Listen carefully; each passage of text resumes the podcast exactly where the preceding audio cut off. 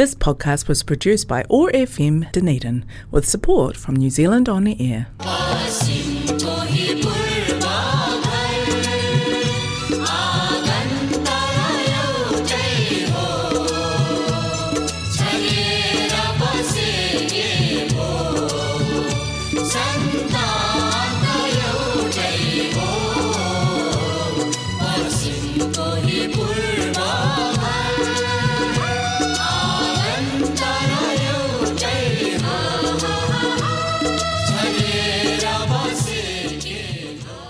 यो र नौमाई हायरमाई। नमस्ते।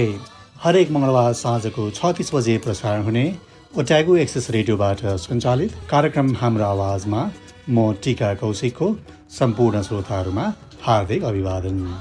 आज मङ्गलबार इस्वी सन् दुई हजार बाइस अप्रेल पाँच तारिक तदनुसार विक्रम सम्बत दुई हजार अठहत्तर चैत्र बाइस गते।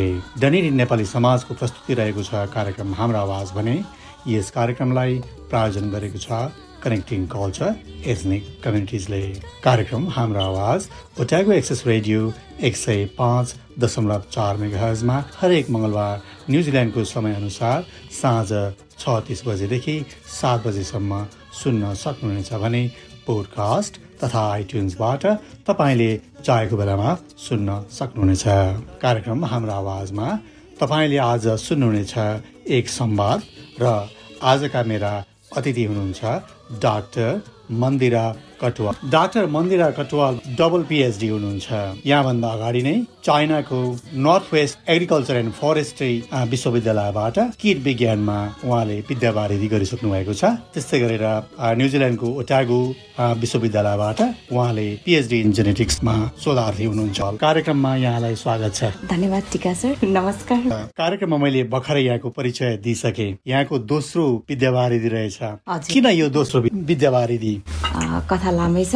मैले मेरो मास्टर्समा चाहिँ मैले किट विज्ञानमा गरेँ। त्यतिखेर चाहिँ मैले म एउटा बाली संरक्षण अधिकृतको रूपमा पनि काम गरिरहेको थिएँ। अनि मलाई चाहिँ ल्याबको रिसर्च गर्न चाहिँ एकदमै मन पर्थ्यो तर मेरो समय अभाव र अनि मेरो कार्य जिम्मेवारीले गर्दाखेरि चाहिँ मैले ल्याबमा काम गर्ने पाइनँ मैले फिल्ड रिसर्च गरेँ मास्टर्समा। अनि मलाई त्यही भएर पिएचडीमा चाहिँ ल्याब ओरिएन्टेडै पुरै रिसर्च नै ल्याबमा गर्ने चाहिँ त्यस्तो एकदम मन लागिरहेको थियो।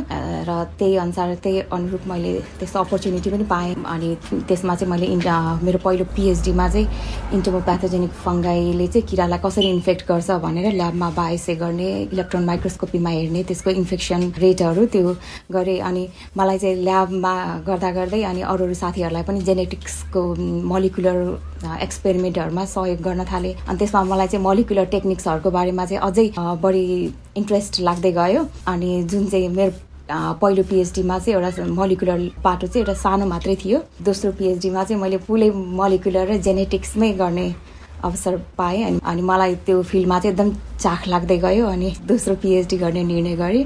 र त्यही अनुरूप सिकिरहेको छु लर्न गरिरहेको छु मेरो लागि एकदम कम्प्लिटली डिफ्रेन्ट फिल्ड भए पनि। अहिले चाहिँ मैले यसमा अब बिस्तारै अब बुझ्दैछु सिक्दैछु र रमाइरहेछु। यहाँले पहिलो विद्यावारिधि चाइनाबाट गर्नुभयो नर्थ वेस्ट एग्रिकल्चर एन्ड फरेस्ट्रीमा किन चाइना छान्नुभयो पिएचडीको लागि त्यो बेलामा? हजुर मैले युरोपमा अनि विशेष त युरोपमा अप्लाई गरिरहेको थिएँ। मेरो मैले विशेष त्यतिखेर काम गर्ने भनेको चाहिँ इन्टिग्रेटेड पेस्ट म्यानेजमेन्टमा आइपिएममा काम गरिरहेको थिएँ। अनि र मलाई चाहिँ ल्याबमै रिसर्च गर्ने चाहिँ मैले पहिला पनि भनिसकेँ। एकदमै त्यो इन्ट्रेस्ट थियो। मलाई चाहिँ त्यो फिल्ड रिसर्च होइन मलाई ल्याबमै काम गर्नु छ ल्याब ल्याब ओरिएन्टेड रिसर्च गर्नु छ भनेर। अनि र अरू ठाउँमा चाहिँ अनि मैले युरोपमा अप्लाई गर्दाखेरि चाहिँ त्यहाँ फिल्ड रिसर्च मा चाहिँ हुन्थ्यो अनि मैले ल्याब ओरिएन्टेड उ गर्दाखेरि चाहिँ एक्सेप्टेन्स पाइनँ मैले। अनि त्यही भएर त्यहाँ चाहिँ ल्याब ओरिएन्टेड रिसर्च अनि मलिकुलर पनि सिक्न पाइने भयो अनि कम्प्लिटली नयाँ एउटा च्यालेन्जको उसमा आयो। अनि त्यही भएर मैले चाइनालाई छाने र साथसाथै मेरो हस्बेन्डको पनि एउटै ल्याबमा हामीले दुवैजनाले पिएचडी अपर्च्युनिटी पायौँ। अनि त्यही भएर हामीले सँगै जाने अब सँगै सिक्ने निर्णय गऱ्यौँ। यो किट विज्ञानमा यहाँले पहिलो शोधपत्र गर्नुभएको छ विद्यावारिधि गर्नुभएको छ। यसलाई हामीले साधारण बुझ्ने भाषामा के हो यो किट विज्ञान? कृषिमा सहयोग पुर्याउँछ। पेस्ट कन्ट्रोल भनौँ अथवा के को लागि सहयोग पुर्याउँछ यो अध्ययनले? एकदमै राम्रो प्रश्न हो यो। किट विज्ञान अन्तर्गत पनि थुप्रै ब्रान्चहरू छ। मैले चाहिँ धेरै पेस्ट कन्ट्रोलमा काम गरेँ।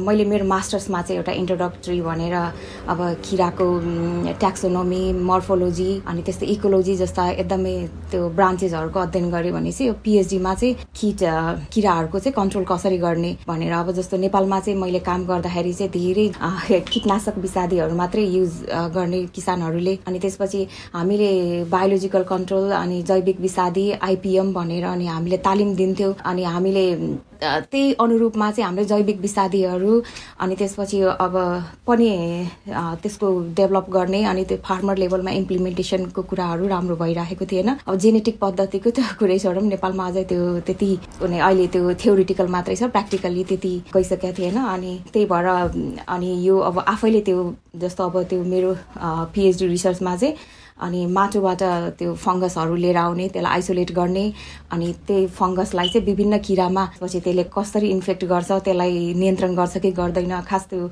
इन्टोपाथोजेनिक फङ्गाईले चाहिँ किरालाई इन्फेक्ट गरेर अनि त्यसपछि त्यसलाई मार्छ अनि त्यही कुरालाई चाहिँ हामीले मास त्यसलाई नै विषादीको रूपमा यदि त्यसले सक्सेसफुल भयो भने चाहिँ त्यो फर्दर कमर्सियल रूपमा जान सक्छ। म मेरो पाटो चाहिँ ल्याबमा त्यसले किरालाई कति इन्फेक्ट गर्छ अनि मार्छ कि मार्दैन अथवा मारे पनि कति स्टेजमा रूपमा मार्छ भनेर त्यसलाई कसरी इन्फेक्ट गर्यो भनेर माइक्रोस्कोपी र बायोएसएले हेर्ने थियो भने चाहिँ अब त्यसलाई फर्दर सक्सेस उसमा चाहिँ त्यो अरू किराहरूमा पनि त्यसलाई प्रयोग गरेर त्यसरी नियन्त्रण गर्न सकिन्छ। यसो अध्ययन चाहिँ अब कीटनाशकको लागि नै हो तर यो कीटनाशक तरिका चाहिँ रासायनिक नभएर यो जैविक हुनुपर्छ भन्ने कुरा हो। हजुर। अब जैविकमा पनि विभिन्न पद्धति छन् जस्तो अब भाइरसले कन् किरा कन्ट्रोल गर्ने कुराहरू हुनसक्छ अथवा ढुसीले कन्ट्रोल गर्ने कुराहरू हुन्छ। अब त्यस्तै किरालाई नै युज गरेर नेचुरल इनिमी भन्छौँ। हामी त्यो प्राकृतिक रूपमै किराका त्यो शत्रुहरूलाई युज गरेर अर्को अर्को देशबाट न्युजिल्यान्डमा चाहिँ धेरै यो क्लासिकल बायोलोजिकल कन्ट्रोल भन्छ। शत्रु किरालाई नै युज गरेर अर्को जस्तो नेचुरल इन्मि इन्मिलिजहरूलाई चाहिँ बाहिरबाट लिएर आएर त्यो किराहरूलाई चाहिँ किराले किरालाई नै नियन्त्रण गर्ने पद्धतिहरू पनि छन्। अनि अब जेनेटिक्सको कुरा आइरहेछ जेनेटिक्समा पनि अब जस्तो अब एउटा इक्जाम्पल चाहिँ भन्न चाहन्छु जस्तो अहिले मैले रिसर्च गरिरहेको विबिलहरूलाई चाहिँ किराद्वारा नै त्यो नियन्त्रण भइरहेको थियो। यिनीहरू उनीहरूलाई ल्याएको लगभग दुई दशक जस्तो भइसक्यो तर अहिले आएर चाहिँ त्यो किराहरूले चाहिँ आफू चाहिँ अब जेनेटिकल इभल्भ भएर चाहिँ त्यो जुन तिनीहरूलाई नियन्त्रण गरिरहने किराहरू थियो। ती त्योबाट चाहिँ अब त्यो प्यारासिटाइज हुन चाहिँ एकदम कम भइरहेछ। तर अनि पहिलाको रिसर्चहरूले चाहिँ के देखायो भने चाहिँ अब पक्कै यसमा जेनेटिक किरामा केही जेनेटिक मोडिफिकेसनहरू हुनसक्छ। यसले इभल्भ गरिरहेछ। अनि त्यही भएर अब किरालाई चाहिँ अब हामीले अब यो बायोलोजिकल कन्ट्रोल भन्दा पनि अब जेनेटिक कन्ट्रोलतिर लाग्नुपर्छ। यो चाहिँ एकदम अहिलेको कटिङ एज टेक्नोलोजी एकदम नयाँ भनेर अनि त्यसको लागि चाहिँ अब मेरो चाहिँ ल्याबमा मात्रै केन्द्रित भए पनि अनि फर्दर चाहिँ यसको रिसर्चहरूको चाहिँ आउटकमहरू चाहिँ अनि हामीले कमर्सियल लेभलमा पनि लान सक्छौँ। यो यहाँको पहिलो शोध पत्र जुन विद्यावारिधि छ र दोस्रो विद्यावारिधि जुन यहाँले न्युजिल्यान्डमा गर्दै हुनुहुन्छ उठाएको विश्वविद्यालयबाट त्यसमा कति समानता छ पहिलाको अध्ययन र अहिलेको अध्ययनमा र कति फरक छ? पहिलाको पनि पेस्ट कन्ट्रोललाई नै अल्टिमेट एम उद्देश्य चाहिँ अल्टिमेट एम भनेकै पेस्ट कन्ट्रोलमा थियो। त्यसमा चाहिँ ढुसीहरूलाई चाहिँ कसरी किरालाई आक्रमण गर्ने ढुसीहरूलाई चाहिँ कसरी उत्पादन गर्ने कसरी प्रयोग गर्ने भन्नेमा थियो। र हालको रिसर्च चाहिँ अब बायोलोजिकल भन्दा पनि एक स्टेप माथि आएर जेनेटिक उबाट चाहिँ किराहरूको चाहिँ होल जेनम सिक्वेन्सिङ गर्ने अनि तिनीहरूको किरामा भएको माइक्रोबायोमहरूलाई नै चाहिँ सूक्ष्म जीवाणुहरूलाई नै चाहिँ युज गरेर किरालाई चाहिँ कसरी म्यानुपुलेट गर्न सकिन्छ किरालाई? अथवा तिनीहरूलाई बलियो बनाउने हो कि कमजोर बनाउने हो कि तिनीहरूको त्यो बायोलोजीलाई नै कसरी एफेक्ट गर्छ त भनेर अहिले मैले चाहिँ होल जेनम सिक्वेन्सिङ र माइक्रोबायोम मा चाहिँ दुईवटा पक्ष चाहिँ हेरिरहेको छु। तर यसैलाई फर्दर रिसर्च गर्दै अब त्यो कमर्सियल लेभललेमै जान त धेरै वर्ष वर्ष लाग्छ नहुन पनि सक्छ। तर यसले चाहिँ अब एउटा क्रुड फाइन्डिङ दिन्छ। अब माइक्रोबायो म्यानुपुलेसन गर्दाखेरि त्यो विबिलको बायोलोजीमा केही चेन्ज हुन्छ कि हुँदो रहेनछ तिनीहरूले तिनीहरूलाई अब कमजोर बनाउन सकिन्छ कि सकिँदैन भन्ने कुराहरूमा चाहिँ बढी फोकस छ। यहाँको दोस्रो पिएचडी को लगभग सकाउने क्रममा हुनुहुन्छ यहाँनिर। अत्यन्तै यहाँको पारिवारिक विरासत एकदम लोभलाग्दो छ। एक त महिला अनि त्यस पछाडि जुन हाम्रो नेपालकै परिप्रेक्ष्यमा हेर्नु भने महिलाहरू धेरै पछि परेको अवस्थामा यहाँले पहिलो विद्यावारिधि नभएर दोस्रो विद्यावारिधि गरिराख्नु भएको छ। साथसाथै यहाँको भनेको श्रीमानसँगै एउटै विषयमा अध्ययन गरेर पहिलो विद्यावारिधि पनि सँगै र दोस्रो विद्यावारिधि पनि सँगै र एउटै युनिभर्सिटीमा र एउटै सुपरभाइजरबाट गराइराख्नु भएको छ। भाग्यले साथ दिएको अथवा लेखेर ल्याएको अथवा पारिवारिक विरासतले दिएको कुरा हो कि जस्तो मलाई लाग्छ।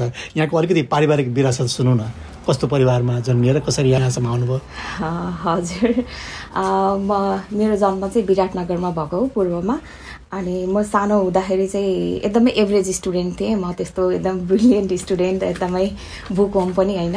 अनि र पढ्दै जाँदाखेरि अनि त्यसपछि मैले एसएलसी चाहिँ धनगढीबाट गएँ सुदूरपश्चिममाबाट गरेँ। अब बुवा मम्मीहरू चाहिँ जागिरको क्रममा विभिन्न ठाउँमा ट्रान्सफर हुँदाखेरि अब त्यही अनुसार अब विभिन्न ठाउँमा त्यो ट्रान्सफर हुँदै स्कुलिङ गरेँ मैले। अनि स्कुलिङ पछि चाहिँ मलाई साइन्स पढ्न एकदम रहर लाग्यो।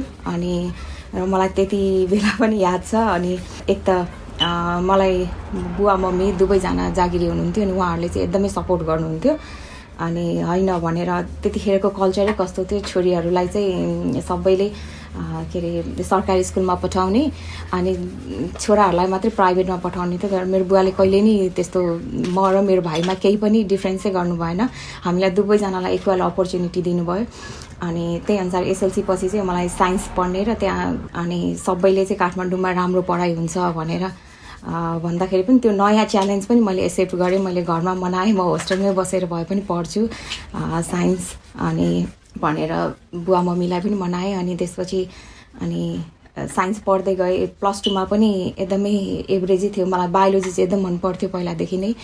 अनि त्यसपछि अनि अब साइन्स पढिसकेपछि सबैले अब डक्टरको त्यतिखेर डक्टर एमबिबिएसको लागि तयारी गर्ने डक्टर बन्ने भन्ने थियो। अनि मैले पनि लगभग लगभग एक वर्ष जस्तो तयारी गरेँ। तर त्यता स्कलरसिपमा भएन। अनि यता कृषिमा चाहिँ स्कलरसिपमै नाम निकालेँ अनि रामपुरमा। अनि त्यसपछि कृषि पढ्ने निदो गरेँ। अनि र त्यसपछि अनि त्यहाँनिर रामपुर पढ्दाखेरि चाहिँ अनि अब धेरै कुरा प्र्याक्टिकली पनि गर्न पाइने। अब मेरो त्यस्तो धेरै कृषिको ब्याकग्राउन्ड नभए पनि। अनि त्यहाँ गएपछि प्र्याक्टिकल अनि थ्योरी दुवै सिक्दै जाँदाखेरि चाहिँ रमाइलो लाग्दै गयो। अनि सबैभन्दा राम्रो कुरा चाहिँ अब जब मैले ब्याचलर सकेँ मास्टर पढ्दा पढ्दै चाहिँ मैले लोकसेवाबाट नाम निकालेर बाली संरक्षण अधिकृतको रूपमा काम गर्न पाएँ। अनि मैले पढेको थ्योरी जति चाहिँ मैले सबै त्यो इम्प्लिमेन्ट गर्न पाएँ नयाँ कुरा सिक्न पाएँ। पहिला त किताबमा मात्रै पढेको हुन्थ्यो। अनि त्यसले गर्दा नि मलाई अझ धेरै उत्सुक बनाउँदै गयो। अनि तिन चार वर्षसम्म चाहिँ किसानहरूलाई तालिम दिने तालिममा पनि विशेष गरी महिलाहरू नै हुनु नाइन्टी पर्सेन्टभन्दा बढी महिलाहरू नै आउनुहुन्थ्यो। अनि उहाँसँग इन्टरेक्ट गर्नलाई अनि भर्खर त्यतिखेर त फ्रेस अन्टर ग्रेजुएट थिएँ तर सिक्दै गएँ। मभन्दा धेरै उमेरले एक्सपिरियन्सले सिनियर हुनुहुन्थ्यो सबै अफिसमा। त्यतिखेर त्यो माहौल पनि थिएन भर्खर त्यो फ्रेस ग्रेजुएट आएर कतिले त सबैले मलाई बहिनी अनि भन्ने मेरो साथीलाई चाहिँ सर भनेर सम्बोधन गर्ने सँगै आएको हामी मलाई चाहिँ बहिनी नानी भनेर त्यस्तो मात्रै सम्बोधन हुन्थ्यो। त्यतिखेर त अझ यहाँ चाहिँ युनिफर्म पनि थिएन हाम्रो। अनि त्यसपछि सबैले त्यही भन्नाले बहिनी नानी भने अब त्यो नयाँ यङ ऊहरू फेसहरू आइसकेका थिएन त्यस्तै सरकारी उसमा पनि अनि त्यताबाट चाहिँ अनि मलाई सबैले प्रमोट गर्नुभयो यो ल सिक्न आछ लर्न गर्न आछ भनेर अनि मैले सँगसँगै जागिर र मेरो मास्टर्सलाई चाहिँ सँगै गरेँ। मेरो मास्टर्स पढाइलाई मैले कम्प्रोमाइज गर्नु हुँदैन भनेर। र त्यसमा मेरो सिनियर सरहरूले पनि एकदमै हेल्प गर्नुभयो हो पढाइलाई।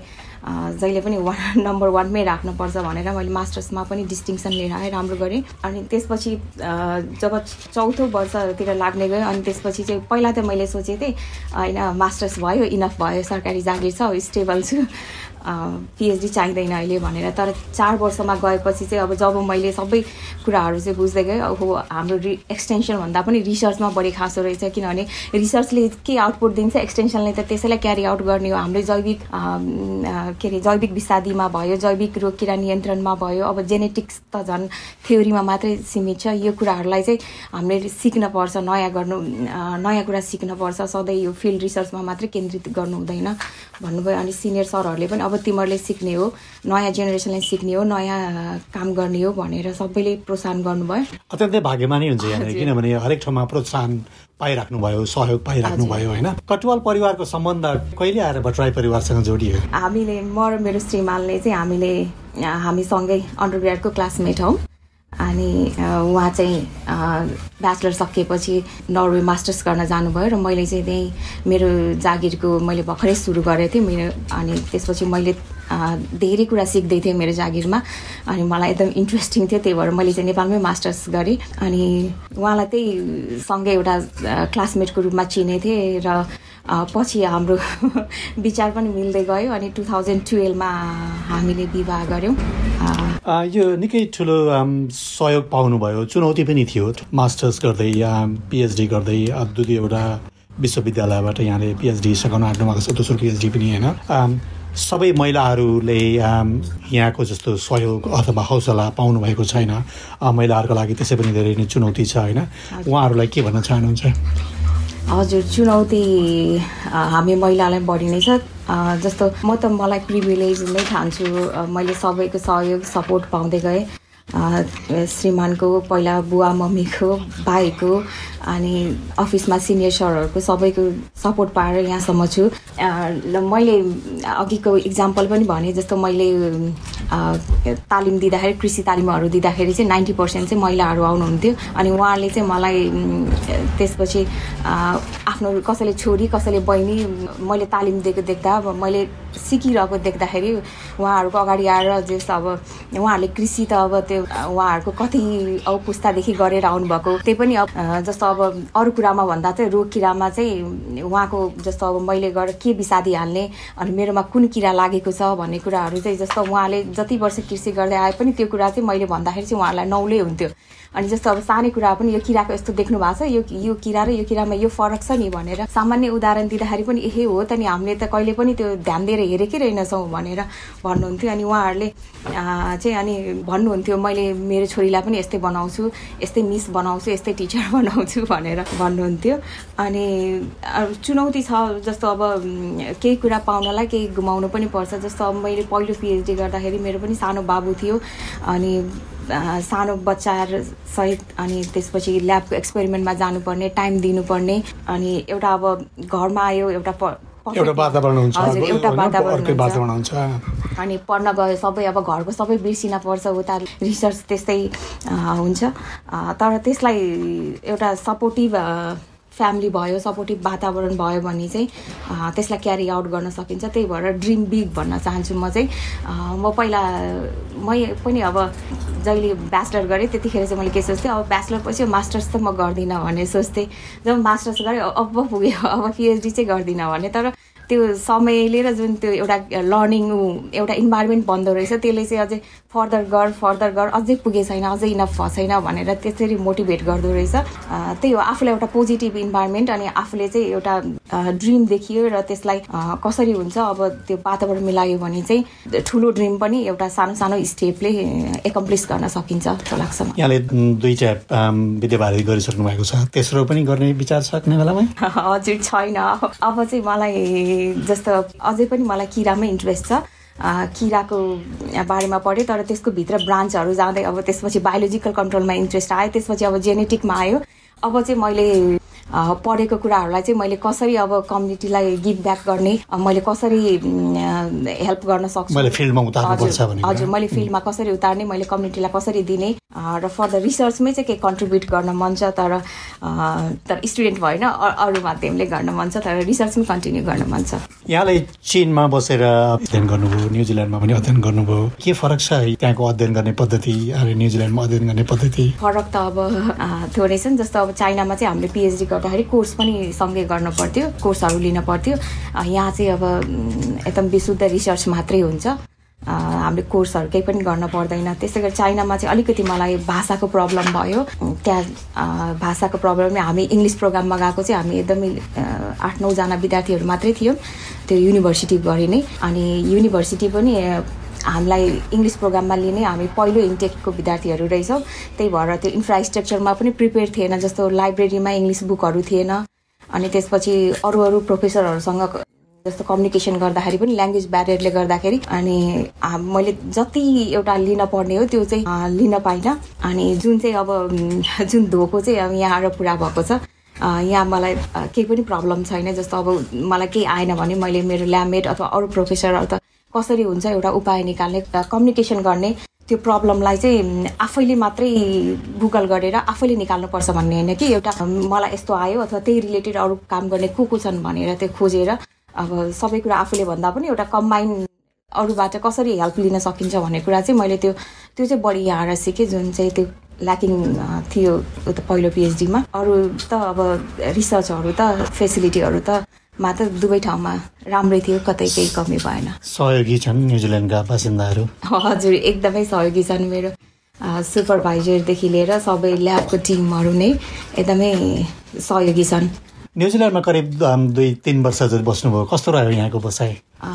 रमाइलो रह्यो अब सानो बाबुलाई पनि ह्यान्डल गर्दै पनि हामी दुवैजनाले सोफार अब एक्सिलेन्ट म भन्न सक्दिनँ तर त्यो होइन तर पनि बसाइ पनि रमाइलो छ र एकाडेमिक प्रोग्रेस पनि आफूलाई निहाल्दाखेरि चाहिँ दुवैलाई ब्यालेन्स गर्न सकेको अथवा अब गर्नुपर्ने त अझै कति धेरै हुन्छन् कति एउटा कुरा हुन्छ तर एज अ के अरे फ्यामिली लाइफ ब्यालेन्सदेखि लिएर पढाइ पनि दुवैलाई ब्यालेन्स भइरहेको गर्न सकिरहेको उसमा चाहिँ खुसी छु। करिब अब दुई हप्ता पछाडि युएस जाँदै हुनुहुन्छ। यो बेलामा के कुरा खेलिरहेछ मनमा? हजुर अहिले त अब थेसिस एकदमै प्रेसरको टाइम छ। थेसिस लेखेर कसरी भ्याउने भन्ने कुरा मात्रै छ। र राम्रो कुरा चाहिँ मैले मेरो ल्याबको एक्सपेरिमेन्टहरू सबै सकिसकेँ। अब थोरै डाटा एनालाइसिसदेखि लिएर अब राइटिङ च्याप्टरहरू पनि लगभग लगभग फिनिस गरिसकेँ। अब अब त्यही हो अब सुपरभाइजरलाई बुझाउने फिडब्याक लिने त्यसैमा काम गर्ने अनि त्यसपछि पब्लिस गर्ने कुराहरू छन्।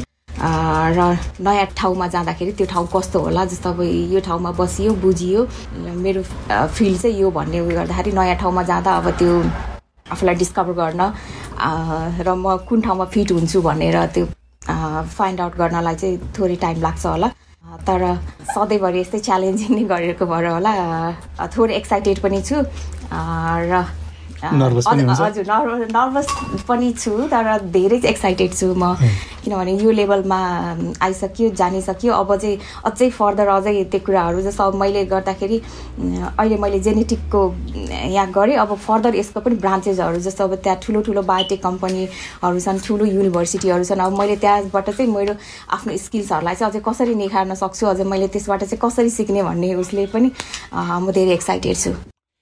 युएस जाँदै हुनुहुन्छ किनभने उपेन्द्रजीले हवार्ड विश्वविद्यालयमा एउटा पोस्ट पाइसक्नु भएको छ होइन अब धेरै नेपालीहरूको लागि त्यहाँ पढ्न पाउनु नै भाग्यको रूपमा लिन्छौँ हामीले तर उपेन्द्रजीले त्यहाँ तपाईँको अब जबै लिएर जाँदै हुनुहुन्छ कस यो उपलब्धिलाई कसरी हेरिराख्नु भएको छ हजुर यो एकदमै ठुलो उपलब्धि हो हाम्रो परिवारकै लागि।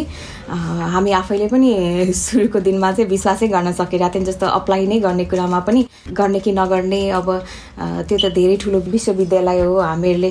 अब थियो र यसमा चाहिँ सबै फ्यामिलीले सुपरभाइजरहरू सबैले इन्करेज गरेर त्यो ठुलो एकम्प्लिस हो।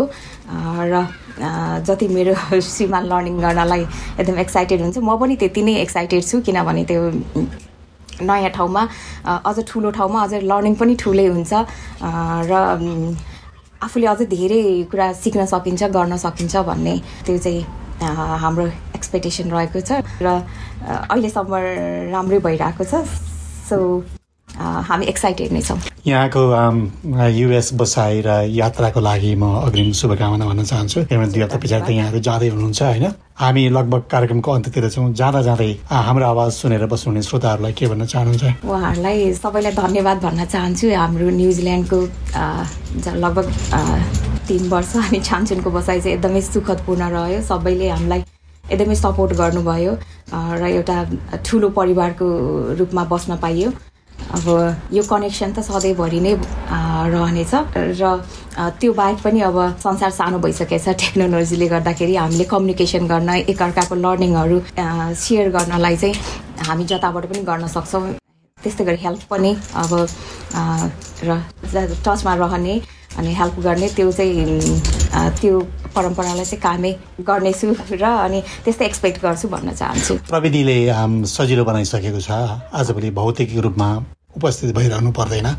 हामी मिडिया मार्फत समय मिलाउन सक्यो भने दिउँसो राति बिहान बेलुका जुन बेला पनि हामी जोडिन सक्छौँ निकै ठुलो उपलब्धि भइसकेको छ आजको युगमा। हस् यहाँको व्यस्त समयलाई मेरो रेडियो सो हाम्रो आवाजमा बोल्नका लागि समय दिनुभयो र यहाँले आफ्नो अमूल्य विचारहरू र आफ्नो अनुभवहरू सुनाइदिनु भयो त्यसका लागि यहाँलाई म धेरै धेरै धन्यवाद भन्न चाहन्छु। हजुरलाई पनि धेरै धेरै धन्यवाद। मेरो एक्सपिरियन्सहरू सेयर गर्ने यो प्लेटफर्म अनि अपर्च्युनिटी दिनुभएकोमा धन्यवाद। जाँदा जाँदै कार्यक्रम हाम्रो आवाजका प्रायोजक कनेक्टिङ कल्चर र यो आवाज तरङ्गित गराउने ओटागो एक्सेस रेडियोलाई धेरै धेरै धन्यवाद। त्यस्तै गरी आजका मेरा अतिथि आम, डाक्टर मन्दिरा कटुवाललाई पनि मुरी मुरी धन्यवाद भन्दै आउँदो मङ्गलबार साँझ छ तिस बजे फेरि भेट्ने बाचाका साथ प्राविधिक मित्र जेफ र म टिका कौशिक ओजेल हुन चाहन्छु। नमस्ते शुभरात्रि टेनापो काकिटे आनकोय